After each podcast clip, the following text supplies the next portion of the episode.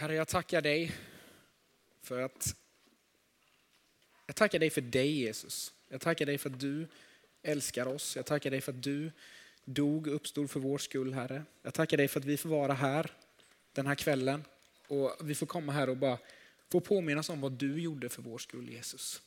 Tack för den som du är, Herre, och för allt det som du har gjort för oss, Jesus. Amen. Kul att se så många här. Jätteroligt. Eh, Olof heter jag, om ingen har förstått det. Eh, och jag ska prata lite om nattvard. Vi kommer dela nattvard här tillsammans sen. Men jag vill börja med att berätta en historia. Eh, det var en gång under, ja, men under andra världskriget eh, så var, fanns det fyra barn som bodde tillsammans med sina föräldrar i London. Eh, och det här var mitt under när Tyskland bombade London.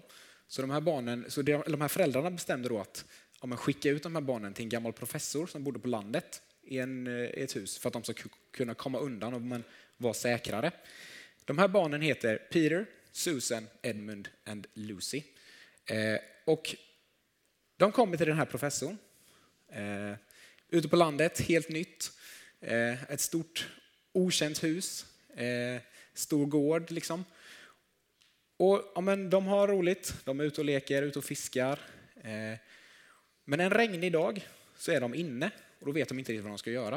Eh, för de kan inte gå ut när det regnar, eller de kan väl det, men de gör inte det. Eh, och då bestämmer de sig för att men vi ska köra kurragömma. Och när de kör kurragömma så springer Lucy, den yngsta, och hittar en garderob. En ga jättestor, gammal garderob. Eh, och så öppnar hon den och så tänker de här är en jättebra plats att gömma sig på. Och så går hon in. Men det visar sig att den här garderoben har ingen, tar inte slut, utan det bara fortsätter längre och längre in. Till slut när hon har kommit förbi alla de gamla kläderna så kommer hon ut i en skog som är full av snö. Och hon funderar på vad som händer. Eh, och därifrån så fortsätter storyn. Hon träffar en person, hon träffar lite en, en vän där inne. Hon kommer tillbaka in i, hus, in i ja, men den riktiga världen hennes, och berättar det här för sina syskon. Hennes syskon tror inte på henne. Eh, men till slut så ja, får hon med sig dem in i den här garderoben och då upptäcker de att det stämmer faktiskt. Så de fortsätter in där. Och innan alla syskonen kommer in så lyckas Lucy få med sig Edmund, den näst yngsta.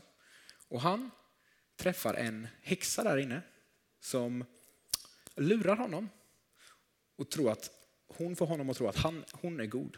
Hon är den som ja, men hon kämpar för det goda. Eh, så hon vill få med sig, hon vill träffa de andra syskonen, så han får uppdrag att, att hitta dem. Och när de väl kommer in allihopa så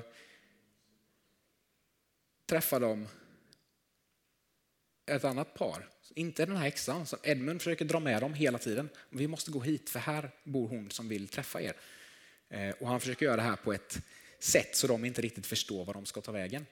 Eh, men de träffar ett par bävrar. Och det här är då en, en värld som är magisk. Djur kan tala, det finns djur som inte finns i den här världen. Eh, och där får de veta att den här häxan är inte god. Men den här häxan har ju fortfarande lurat Edmund och så han tror ju inte på de här bävrarna. Så han lyckas inte få med sig sina syskon, men han sticker iväg till häxan. Och hon får veta att han har misslyckats, eh, så hon tar honom till fånga. Och samtidigt så får de höra av bävrarna att ni måste till, alltså syskonen, de andra syskonen då, får höra av bävrarna att ni måste till Aslan, en, den goda personen i den här världen. Han är ett jättestort lejon. Eh, och de, vill, de ja, men skyndar sig för att komma dit. De lyckas ta sig dit. Eh, och under tiden så får de veta att, då, att eh, fattar Edmund att okay, häxan var ond, hon är inte den här goda. Så hon har ju honom fången.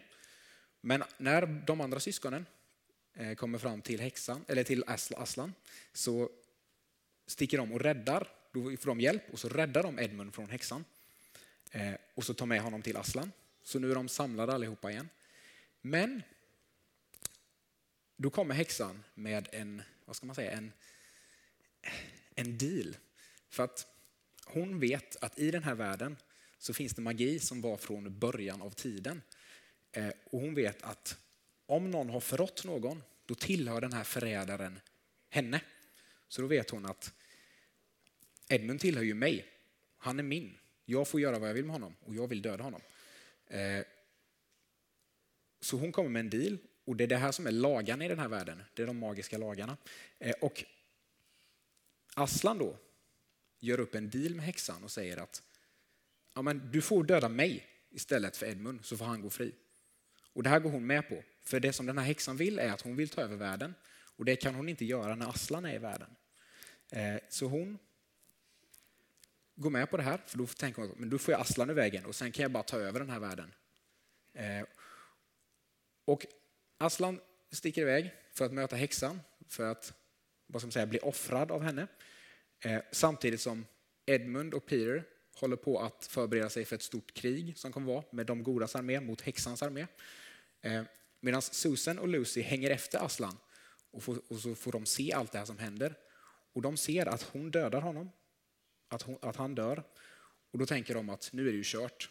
Alltså nu har vi, vad ska vi göra nu? Hur kan vi klara oss utan honom? Men då visade det sig att det fanns en magi som var innan, från innan tidens början som gjorde att Aslan, som Aslan visste om men inte häxan, och den sa att när en oskyldig dör i platsen av en skyldig så börjar döden arbeta baklänges. Så han återuppstår igen och ni kan gissa vad som händer. Och nu kanske ni funderar på vad 17 har det här att göra med nattvard? Eh, jag kommer till det snart. Eh, nattvarden som vi ska fira snart är ju en måltid. Eh, och den kommer från att Jesus instiftade den här måltiden i att ja, men han åt den tillsammans med lärjungarna och sa att det här ska ni fortsätta med i generationer. Och de gjorde det under en tid som för dem var, ja, men för judarna var ju påsken en högtid också. De hade ju en högtid att de kom ihåg minnet, eller de, de skulle äta en måltid och fira tillsammans för att komma ihåg uttåget ur Egypten, när Gud räddade Israel ur Egypten. Eh, på engelska heter det här the Passover.